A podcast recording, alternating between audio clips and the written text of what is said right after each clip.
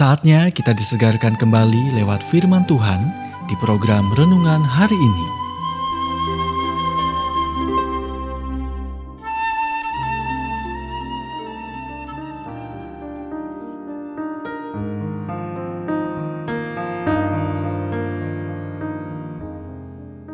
Renungan hari ini jangan melupakan tujuan Anda. Nats firman Tuhan dari Mazmur 112 ayat 8. Hatinya teguh, ia tidak takut.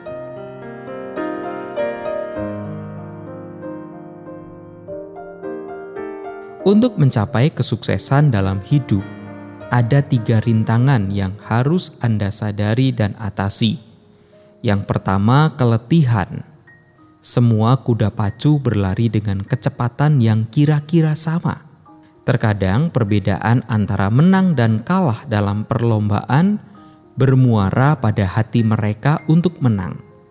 Jadi, lihatlah ke dalam hati Anda hari ini, dan lihatlah apakah Anda benar-benar berkomitmen. Sebab itu, janganlah kamu melepaskan kepercayaanmu, karena besar upah yang menantinya, sebab kamu memerlukan ketekunan supaya sesudah kamu melakukan kehendak Allah, kamu memperoleh apa yang dijanjikan itu. Ibrani 10 ayat 35 sampai 36. Lalu yang kedua, ketakutan. Dalam hal komitmen, ada empat jenis orang. Yang pertama, menolak tugas. Orang yang tidak memiliki tujuan dan tidak berkomitmen. Lalu mengulur-ulur orang yang tidak tahu apakah mereka dapat mencapai tujuan mereka, sehingga mereka takut untuk berkomitmen. Berikutnya, mereka yang menyerah, yaitu orang yang memulai untuk mencapai tujuan, tetapi menyerah saat keadaan menjadi sulit. Lalu, yang terakhir, orang yang melakukan segalanya.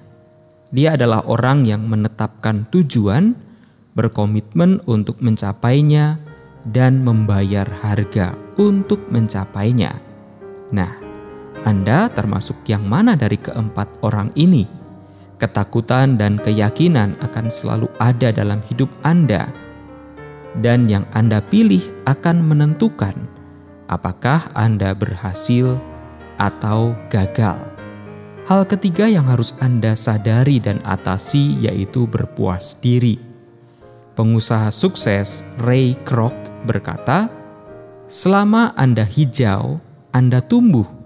Segera setelah Anda matang, Anda mulai membusuk.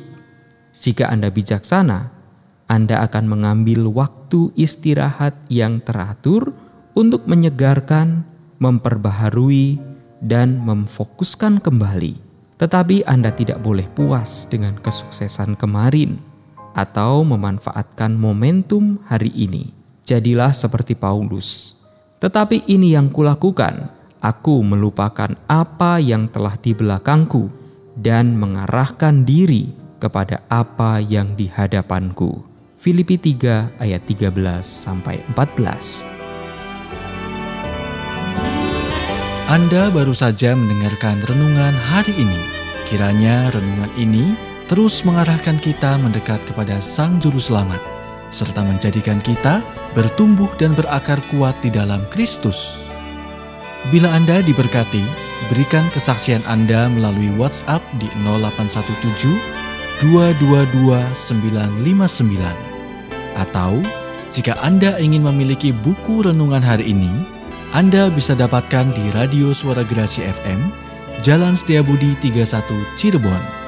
Dengar dan lakukan firman Tuhan, maka hidupmu akan selalu berkemenangan. Tuhan memberkati.